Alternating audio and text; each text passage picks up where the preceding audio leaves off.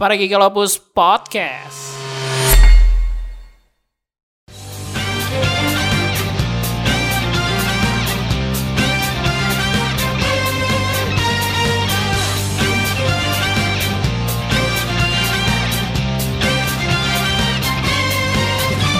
Ya, selamat datang di Paragikolopus Podcast. Podcast yang membicarakan segala hal tentang yang berbau nerdy-nerdy dan geeky dan perotaku-otakuan, wibu-wibuan, semua kita bahas di sini.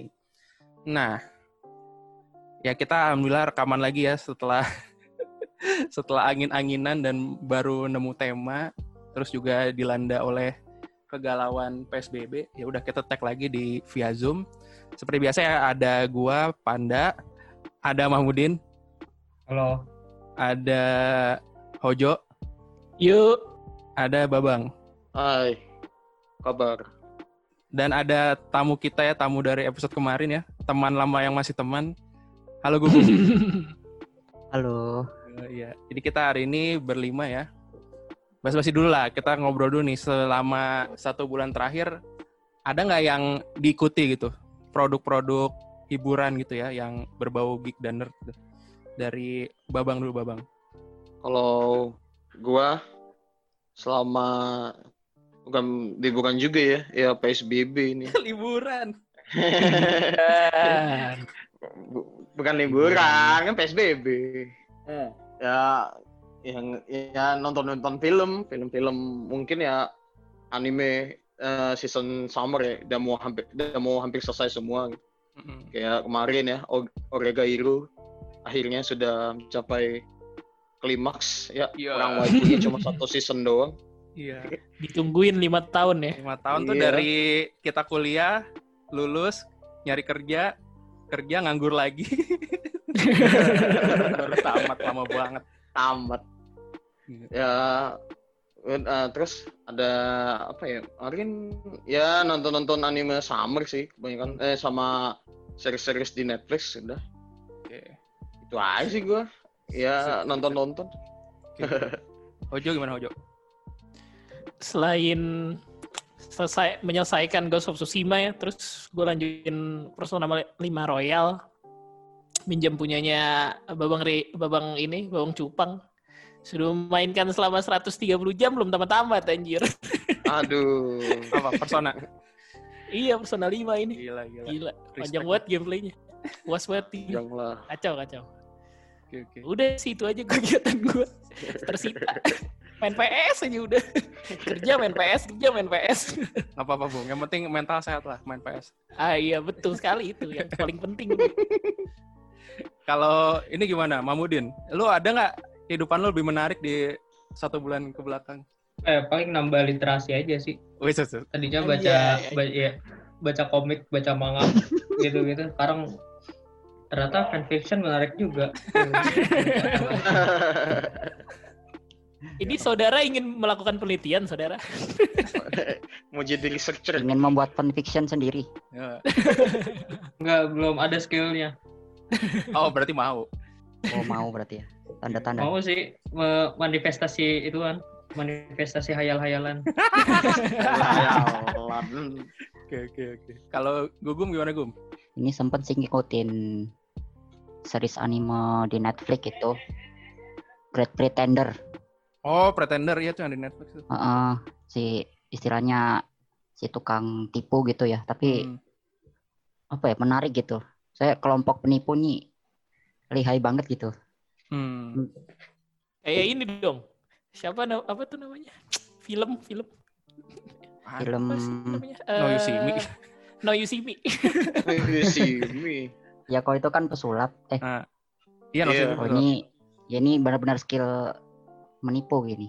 Oke. cara gitu sama ini sih Ungi. lagi sibuk main ini sih yang game lagi booming Eh, apa tuh? Genshin Impact Lupa.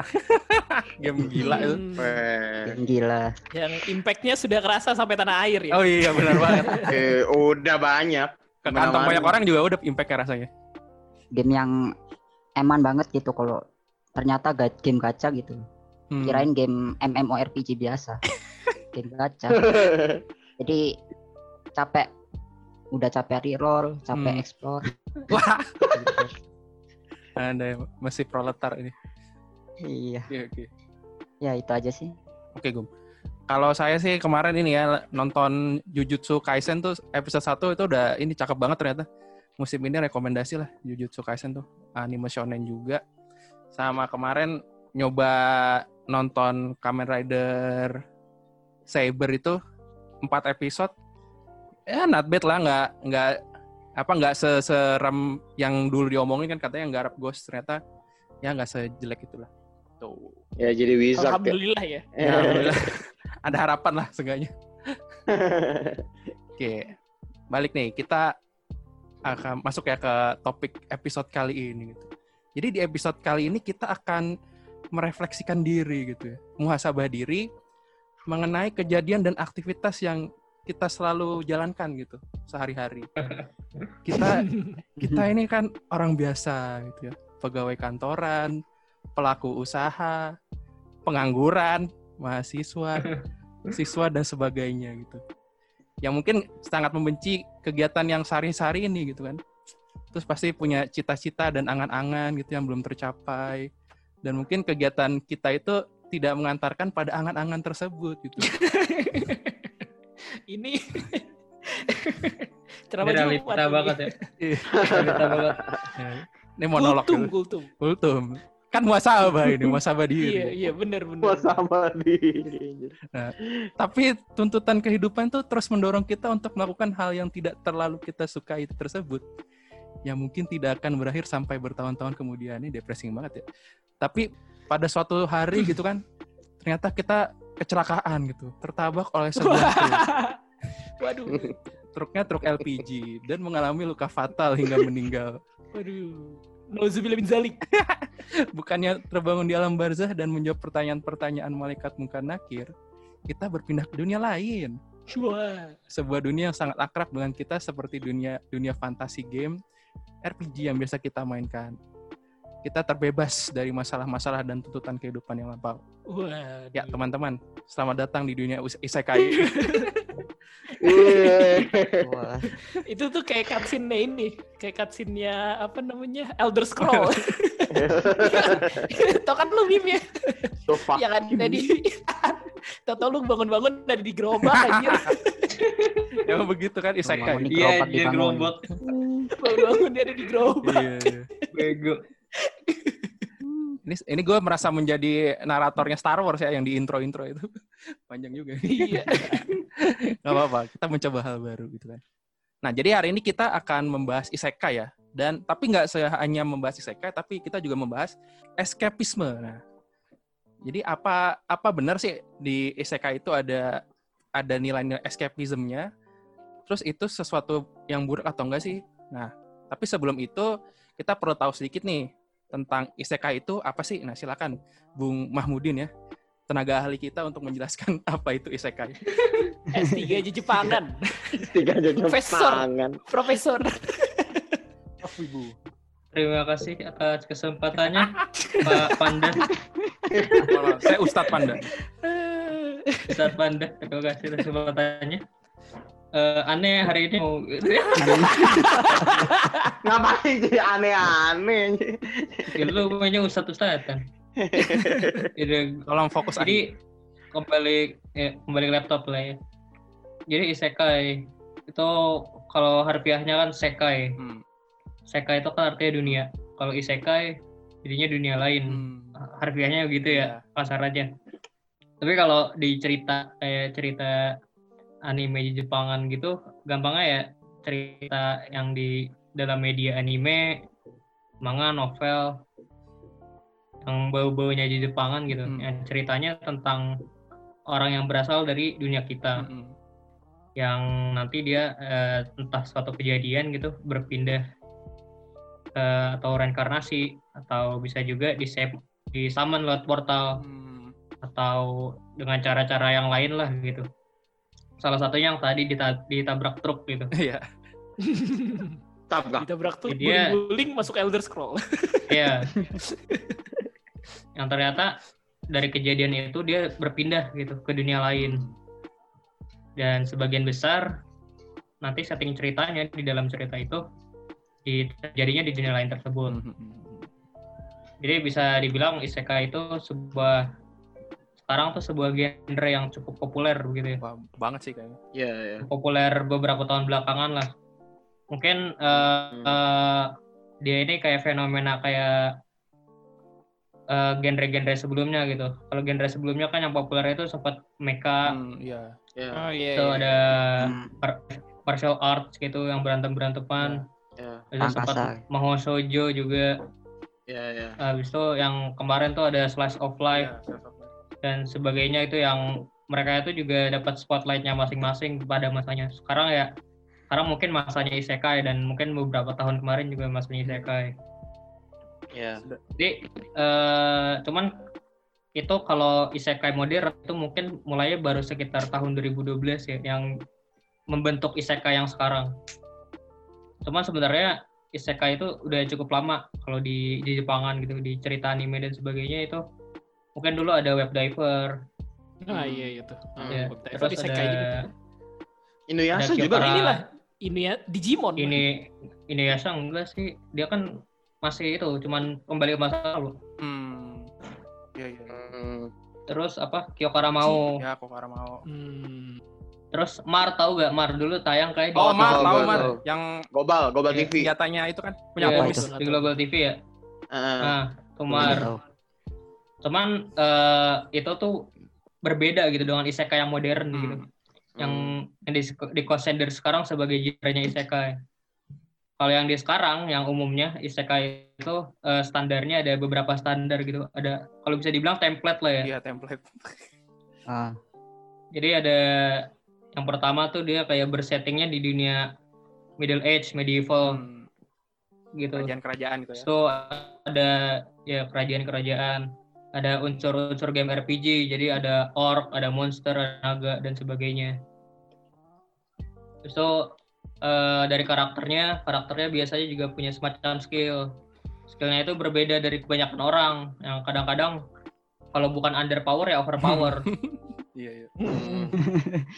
biasanya kayak gitu juga karakter utamanya juga biasa berlatar belakangnya itu jadi orang biasa aja kayak kita kita gitu orang biasa kehidupan sebelumnya gitu.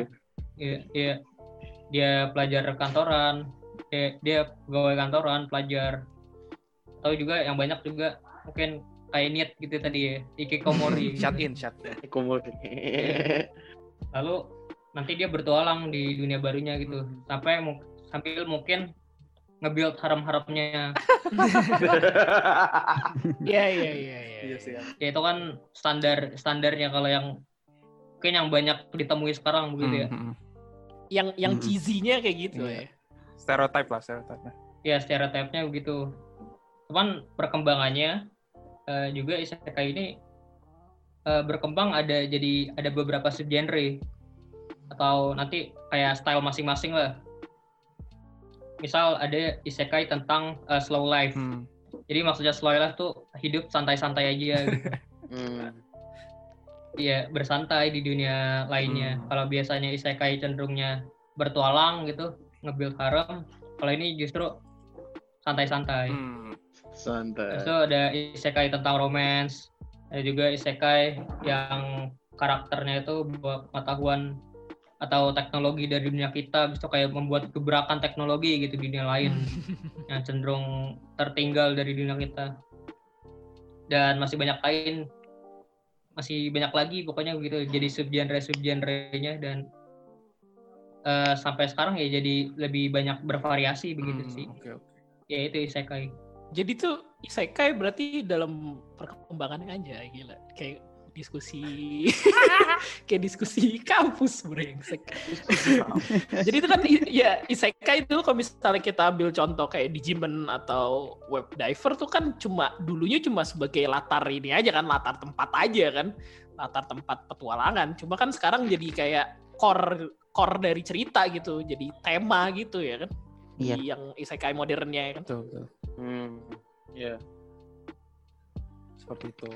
Nah, tadi kan udah ini ya, udah sudah dipaparkan oleh Profesor Mahmud ini tentang tentang isekai. Nah, Ustad, oh Ustadz, Ustadz Halo Mahmud. Ustadz Mahmud. Kembali. tentang tentang isekai. Mahmud. Nah, selanjutnya kita nanti gue jelasin dikit nih kalau e- escapisme itu apa gitu ya. Ya kita ambil dari ini lah ya yang mudah ditemukan di Wikipedia gitu kan.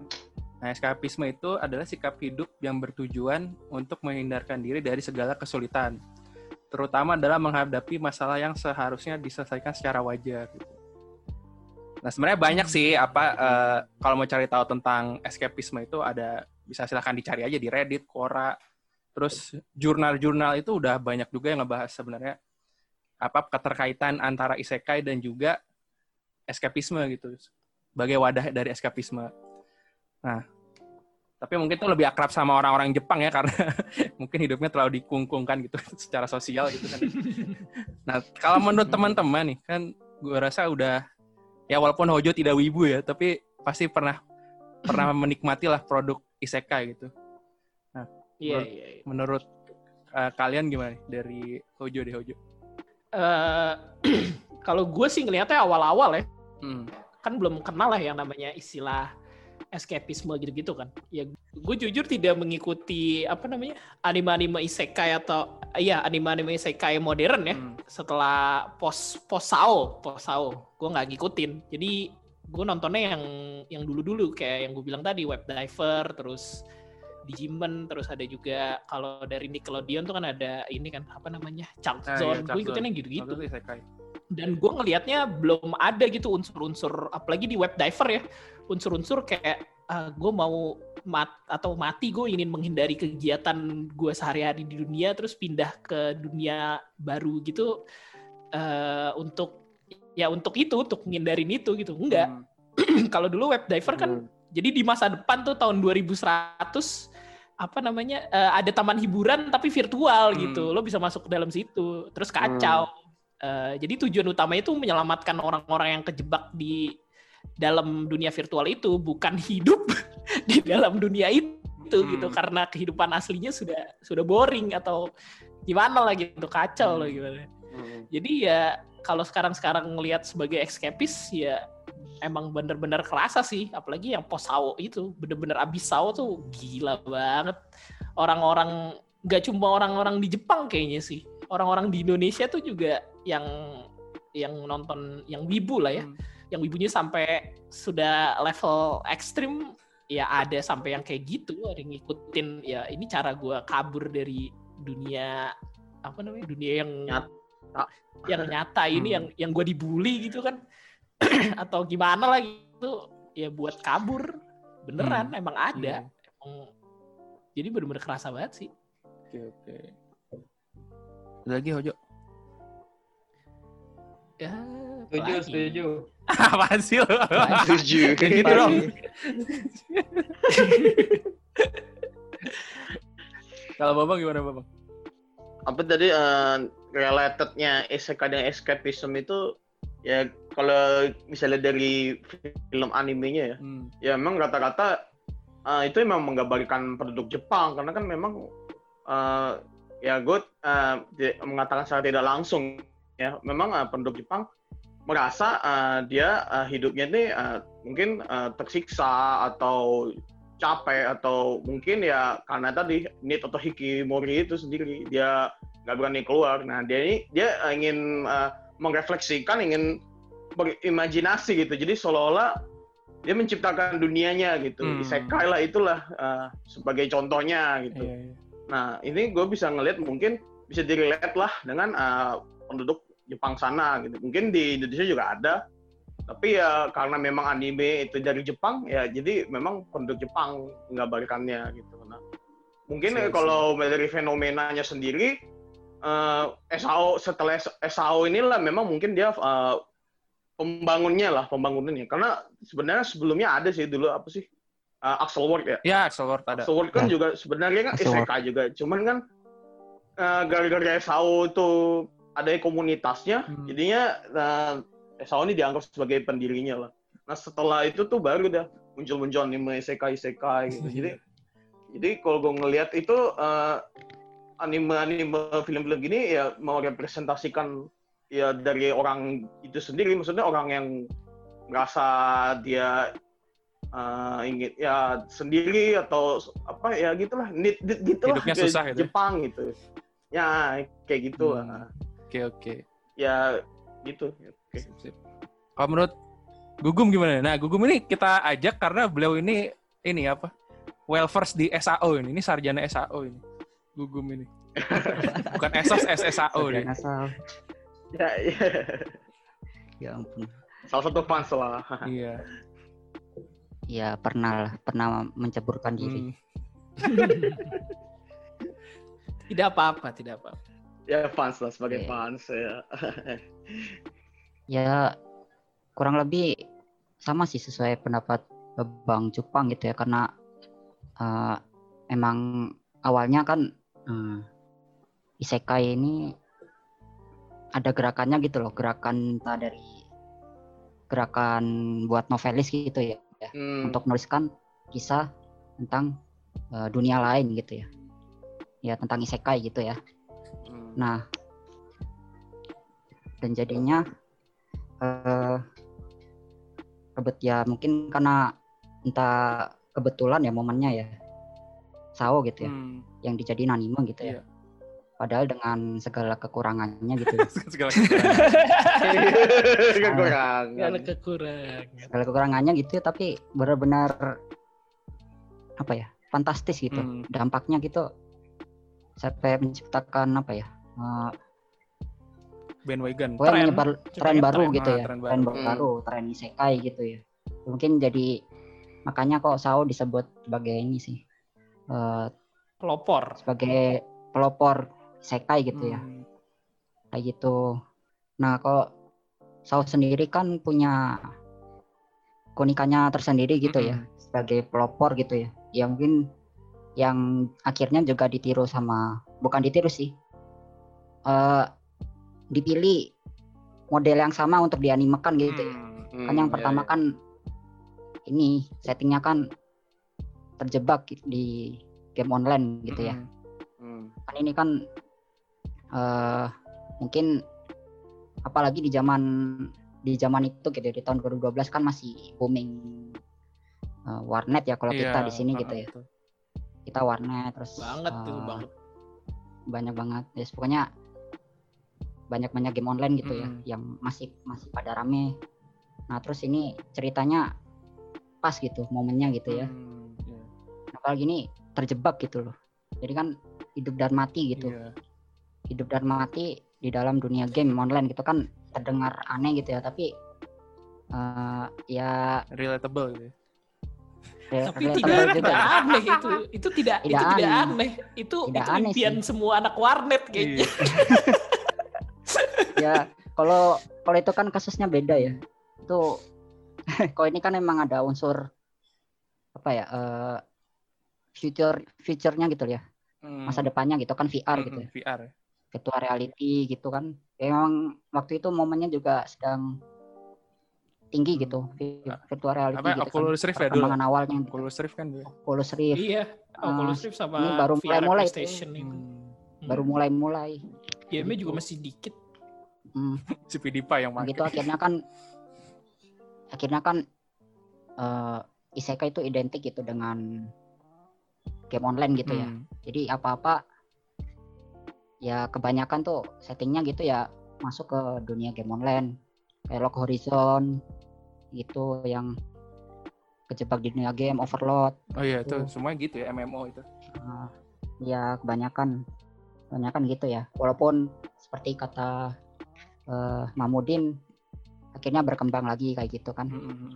dan ya itu sih Si- mungkin salah satu tolak ukur isekainya awal-awal ya gitu Oke. sih dunia dunianya tuh dunia game online Hmm, hmm.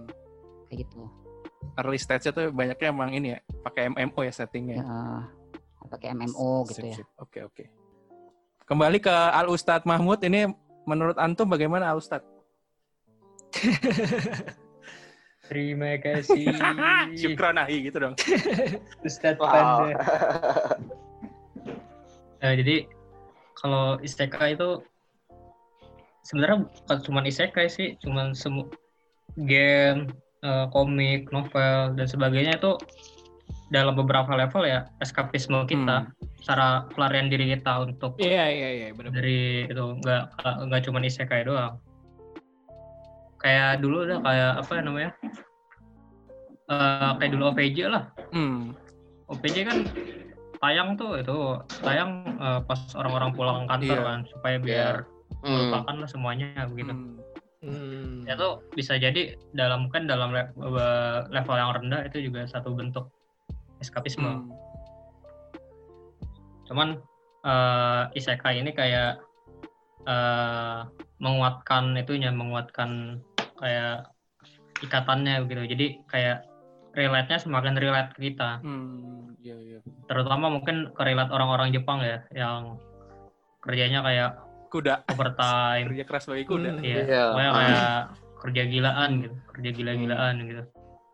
Mungkin sama remaja-remaja sana yang kayak hikikomori dan sebagainya. Ya, cocok banget sih emang.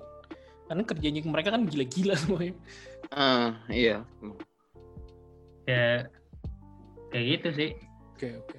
Jadi bukan cuma isekai, cuman isekai membawa eskapisme ke level baru, mungkin iya. Hmm. Karena ini juga apa sih namanya isekai itu kayak menawarkan apa yang escapist uh, bentuk escape lain tuh nggak ditaw- nggak nawarin gitu. Kayak misalnya lo main PS ya kan, Hmm. Eh, lo tuh paling cuma jadi orang ketiga gitu di game yang lo mainkan. Sedangkan kalau misalnya si isekai film-film atau anime-anime isekai ini ya ngajak lo itu untuk berpindah ke satu dunia yang lain dan perspektifnya itu hampir dibikin eh, first person gitu. Hampir, Nah, iya, hampir, itu. Iya, hampir dibikin first person. Hmm. Karena gini, karena kan di awalnya karena kan di awalnya relate banget nih eh, si karakter utamanya cupu terus tidak mau ketemu orang ansos atau gimana atau dia gagal lah di kehidupannya ya terus pas Hmm. pindah ke game atau dunia yang baru ini Isekai. dia jadi wah orang terhormat gitu orang yang punya skill dan lain-lain Mulai hidup baru. ya? jadi Ya, dia gitu, kayak mulai hidup baru lah pokoknya. mulai hidup baru jadinya Ah iya betul. Jadinya tuh kayak oh iya gue bisa kayak dia nih gitu Aku bisa, aku bisa. Iya, iya, benar, benar. Ya itu sih memang jadi jadi itu kayak semacam media ini juga karena terlalu relate sama kita. Jadi kita tadi yang dibilang kayak kita jadi membayangkan kalau karakter utamanya itu adalah diri kita sendiri. Hmm, betul. Hmm. Jadi itu kayak semacam media itu self insert kita gitu lah ke dalam dunia tersebut. Oke oke. Soalnya eh, mungkin latar belakangnya sesuai dengan audiensnya penonton-penonton isekai. Hmm. Hmm. sangat beragam. eh ya yang kan isekai banyak jenisnya ada yang orang ingin hidupnya santai-santai gara-gara kerjanya kerjanya eh, membabi buta lah di kehidupan nyata Hmm. Hmm. nonton isekai yang slow life tadi yang subgenrenya slow life Iya. Hmm. Orang yang ingin eh, kayaknya kayak eh, ingin menciptakan sesuatu begitu ingin membuat gebrakan pada dunia gitu Berarti nonton isekai yang jenis-jenisnya dia kayak menciptakan sesuatu juga di dunia tersebut, Hmm. ngambil dari dunia kita. Jadi pengetahuan-pengetahuan teknologi di dunia kita diaplikasikan ke dunia isekai tersebut. Oke. oke. Terus kayak gitu, jadi semacam media self insert kita itu juga. Hmm. Ya, jadi mungkin kenapa populer ya karena itu juga. Wah ternyata bisa kayak gini ya, ada perasaan seperti ini ya di kehidupan. Ya. Nah, tadi kan udah tuh kita mendengar opini teman-teman. Eh, apa benar sih ada nilai eskapisme gitu di dalam isekai? Nah, sekarang nih kita menjustifikasi nih. Ini baik atau buruk gak sih sebenarnya eskapisme di isekai ini? Karena kan sebenarnya ya tadi yang kayak dibilang Mahmud ini ya, eskapisme tuh dari kita apa media apa pun tuh sudah punya gitu. Misalnya kayak dulu waktu bocah kan kita apa yang terkenal Harry Potter gitu kan. Itu kan sebenarnya at Ya. some point kan tuh Itu kan juga. kita biasa sekolah cuman duduk di kelas ternyata wah Harry Potter nih Hmm. keren sekali sekolahnya nih bisa sihir gitu belajar magic belajar magic gitu kan belajar magic nah gitu belajar ya nyantet belajar nyantet. Nyantet guru killer. Kayak gitu nah. Tapi apa sih yang membuat apa baik buruknya tuh menurut lu gimana? Gitu dari Babang dari Babang. Kalau kalau gue sebenarnya nggak bisa menilai ya Hmm. baik buruknya. Karena kan memang Sentris nih, sentris. ya gue ya kan kalau gue ngelihatnya memang eh da, ya apa sih isekai escapism ini kan sebenarnya ini kan sebagai eh, ini kan refleksi gitu. Jadi kan memang eh, orang kalau memang sudah eh, eh, bosan gitu bagaimana kalau atau dia ansos gitu. Nah dia kan melarikannya dengan ke dengan mungkin anime inilah isekai gitu. Hmm. karena kan memang ya di dunia nyata aja dia udah nggak guna gitu Ah, Parah banget. Parah banget. Mungkin mungkin. Untuk para, para pembaca pembaca isekai itu yang dipikirkan bang ini nih bang Supang kayak gini. makanya gue nggak bisa menilai gue nggak bisa menilai kalau nggak bukan nggak nggak gan- ganti lah maksudnya eh, di dunia nyata aja dia udah nggak ngapa-ngapain maksudnya gitulah Hmm. nah dia mungkin eh, dengan dengan berpikir ya anime sekai ini ya mungkin dia berpikir oh ini mungkin eh, menjadi pelarian gua ke sana gitu. Karena mungkin gue bisa membayangkan gitu kalau gue jadi heroik jadi ya membayangkan ah, dia menjadi seorang eh, orang yang bisa dikatakan ya diakui lah intinya. Hmm. dia diakui oleh eh, dalam dunia itu Iya. gitu. Ya, jadi kalau menurut gue mau mau bilang positif juga eh, iya, tapi kalau negatifnya juga iya juga karena memang ya lu hidup di dunia nyata cuy, wih. nggak bisa Betul, Nggak betul. bisa. sekali. berfantasi terus menerus karena lu kalau begitu ya lu nggak akan nggak akan apa maksudnya nggak akan move on gitu. Eh, Tidak Lu, ke mana-mana uh, lah ya. Iya nggak bisa ke mana-mana gitu. aja. Gua- itu aja ya, makanya gue bisa menilai gitu. hmm. Itu aja opini gue sih. Iya. Dari masyarakat menjadi tokoh masyarakat. Dalam- eh dari sampah masyarakat menjadi tokoh masyarakat.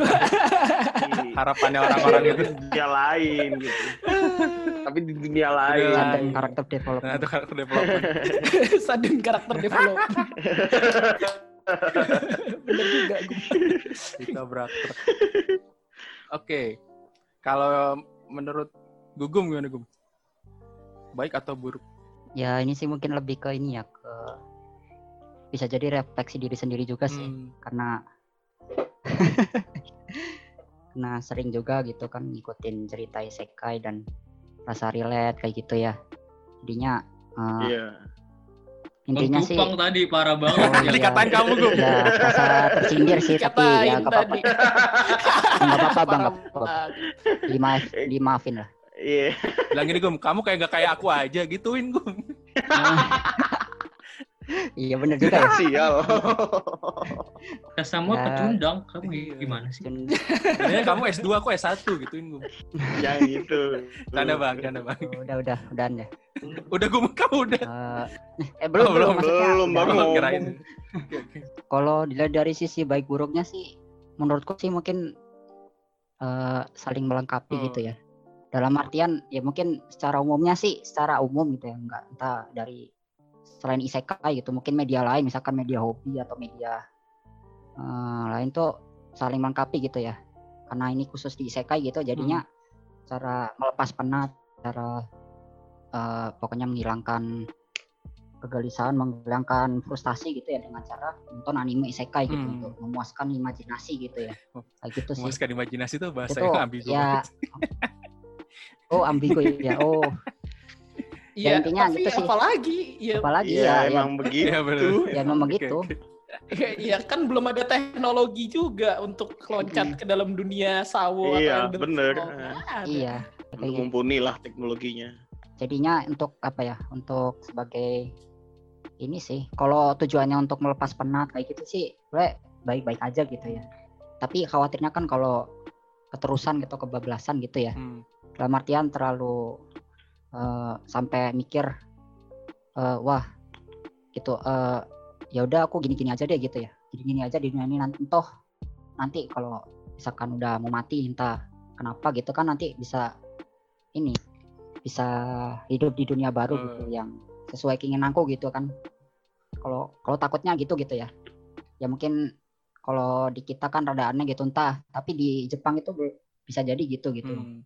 Untuk konsumen Jepang mungkin bisa jadi ngarahnya ke situ gitu kan jadinya eh, menghambat ini sih menghambat di kehidupan nyatanya gitu ya yang nggak nggak nggak mengeksplor meng- nggak kurang mengeksplor lagi eh, kemampuannya gitu kayak gitu Hmm. sih Oke oke oke. Siap, siap. itu mungkin buruknya di situ sih ya mungkin itu aja sih ya Oke. Itu jadi nggak nggak ke mana-mana gitu ya karena terlalu ini sama Hmm. isekai gitu kan. Eh, eh, terlalu ini Hmm. ikuti imajinasinya gitu ya Hmm. Ah, iya. Hojo gimana Hojo? Em, sebenarnya relatif ya. Menurut gua, menurut gua relatif. Kalau misalnya dalam dalam skala eh, tidak mengganggu kehidupan nyata lu gitu, lu tetap beraktivitas normal ya, it's okay. Sama aja sih kayak kecanduan lainnya gitu. Kayak gua misalnya Hmm. kecanduan main PlayStation. Kayak dulu tuh gue bisa main PS-nya si Bang Cupang dikontrakan sampai rekor gue tuh lebih dari 12 jam. sampai lupa mak iya serius mainin Final Fantasy 15 waktu itu Hmm. sampai lupa makan lupa, ya bener-bener nggak makan cuma minum doang kagak mandi Buset. juga nggak mandi juga gila Hmm. loh itu Cara, cara hemat ya. ya itu kan cara bentuk gue escape kan dari gue nggak mau ngerjain skripsi gue Hmm. Jadi gue main PS gitu. Iya kalau dalam mungkin kalau dalam batas wajar kayak misalnya lo masih berpikir eh udah ini cuma hiburan gua aja jadi doping gua jadi apa sih namanya eh ya iya doping doping gua dalam menjalani aktivitas ya ya oke gitu cuma kalau misalnya sampai mengganggu timbul pikiran kalau eh, misalnya eh, Nah itu. Kayaknya eh, jalan hidup gue tidak di sini Hmm. deh, tidak di dunia ini, adanya di dunia lain gitu, di dunia child zone atau apa kan kali aja berpikir seperti itu sampai parahnya tuh kayak gitu. Hmm. Cuma dari eh, artikel yang di share nih sama Al- Al eh, Ustad. eh, profesor kita, baca ya Al Ustad, Al Profesor ya kan. Jadi tuh emang dampaknya isekai di Jepang sendiri itu ada positifnya. Dia tuh nurunin suicide rate-nya Oh. orang-orang Jepang dari tahun 2000 dari se- semenjak eh, si Sao ini Sao. booming sampai gue lupa tahun berapa 18. terakhirnya 2017 atau 18. 2018 iya 2018 itu tuh turun terus gitu loh setiap tahunnya berapa persen berapa persen Hmm. Hmm. ya ada ada baiknya. Jadi tuh daripada si orang-orang ini ngabisin duit maybe untuk Ya. narkoba gitu. Narkoba kan juga Iya, escape kan. Hmm. Atau Iya, ya dia bunuh diri Iya. gitu ke Akihabara ya mending dia nonton isekai Iya. gitu. Kayak ah, nih Akihabara. Bener kaki Eh, apa? Akihabara. Apa sih namanya? Gahara. Aoki Gahara. Aokigahara. Sorry, sorry. Aokigahara. Dan Polres. Akihabara dia beli. Akihabara mah Belanja. Belanja.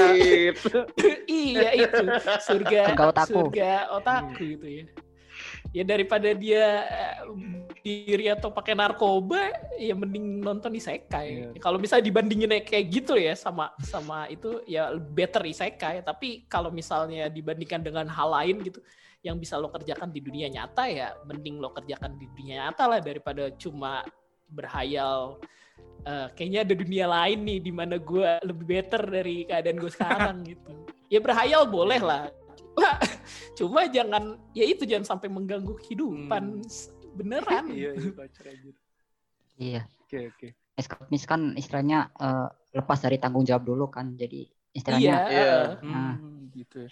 ya istilahnya kayak lo kerja cuti gitu kan lo nggak mau diganggu sama kerjaan yang lain Iya. lo nggak mau ditelepon mau ngapain it's okay tapi kan nanti lo balik lagi ngelarin tanggung jawab lo Hmm. gitu Hmm. Setuju, setuju.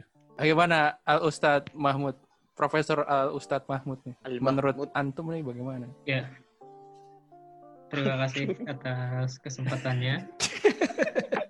Eh, Bapak anjir Panda. Iya, baik Ustadz. Eh, jadi saya tadi mau menyanggah dulu ya. Oh gitu.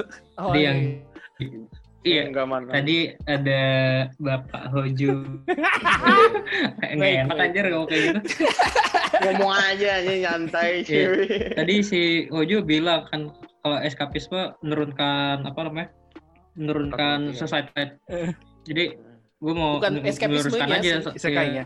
Ya ya. Eh, eh, isekai ya. Eh, yang menurunkan itu eh, bukan isekainya. Eh, jadi eh, yang dimenurunkan itu kayak eh, lebih general. Jadi jenis anime, manga dan light novel. Hmm. Jadi kalau Hmm, iya. dilurus gitu. Untuk Hmm. partikularnya isekai justru malah eh yang terbalik. Oh iya. Kenapa? Iya.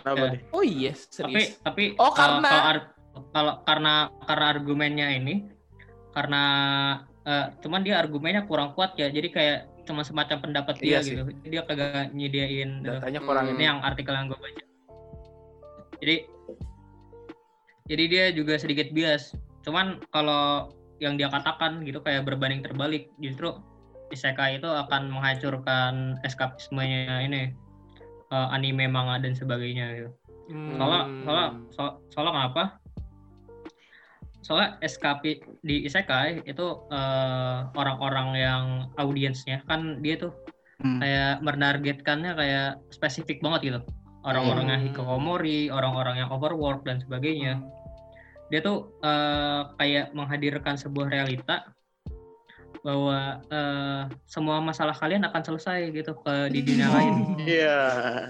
yang itu Hmm. justru eh, dalam beberapa level mungkin mendorong mungkin menginfluence Untuk cuman itu argumennya dia Hmm. ya untuk melakukan suicide itu hmm, Oh justru malah nambah gitu ya? kalau menurut artikel itu itu kan argumen dia itu itu gue cuman meluruskan aja Ya. Hmm, kalau yang oke. tadi yang data dibaca Oh iya. Oke, Cuman- oke, oke. kalau gue kalau gue kalau gue setuju atau enggak gue kayaknya nggak nggak terlalu setuju Hmm. soalnya Hmm. ini kan apa namanya eh kita kita butuh eskapisme itu apalagi isekai yang relate banget gitu sama orang-orang biasa kayak kita Hmm. Iya. oh ternyata kita bisa diapresiasi kita bisa merasakan Iya. kita bisa merasakan bagaimana menjadi orang berhasil Iya. Iya, iya, iya, iya. Iya. Oh ternyata ada perasaan seperti ini ya selain perasaan dongkol legalkan gitu.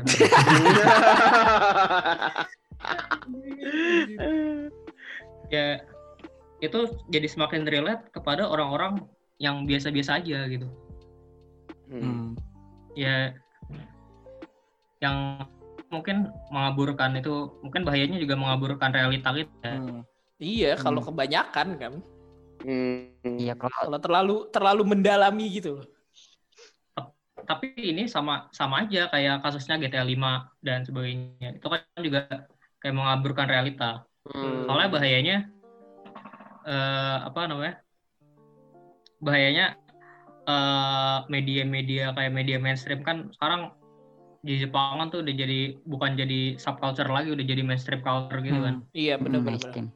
Hmm. dia tuh bahayanya tuh kayak memberikan eh, perasaan yang seamless gitu jadi kita kita nggak kita nggak sadar kalau kita dikendalikan gitu kan. Hmm. Hmm. Jadi- Hmm, hmm. jadi diri diri kita itu diri kita itu bukan diri kita kita yang diri kita tonton diri kita itu lingkungan kita diri kita teman-teman kita Hmm, Jadi- iya, iya. jadi Hmm. ya kayak kita dulu zaman SD nonton Naruto lah misalnya kan setelah lu nonton episode apa gitu terus Hmm. pas nyampe sekolah lo membuat rasa enggan gitu Bayangkan jadi Cuma buat Naruto, rasa anjir.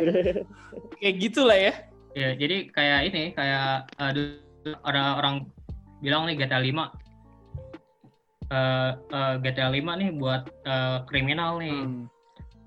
orang buat kriminal oh enggak gue main GTA 5 juga enggak dong gitu ya gitu kan Oh. orang bilangnya gitu Iya iya. gue main GTA 5 juga gue biasa-biasa aja Terlalu anu ya. Itu kalau Itu orang-orang tertentu doang gitu.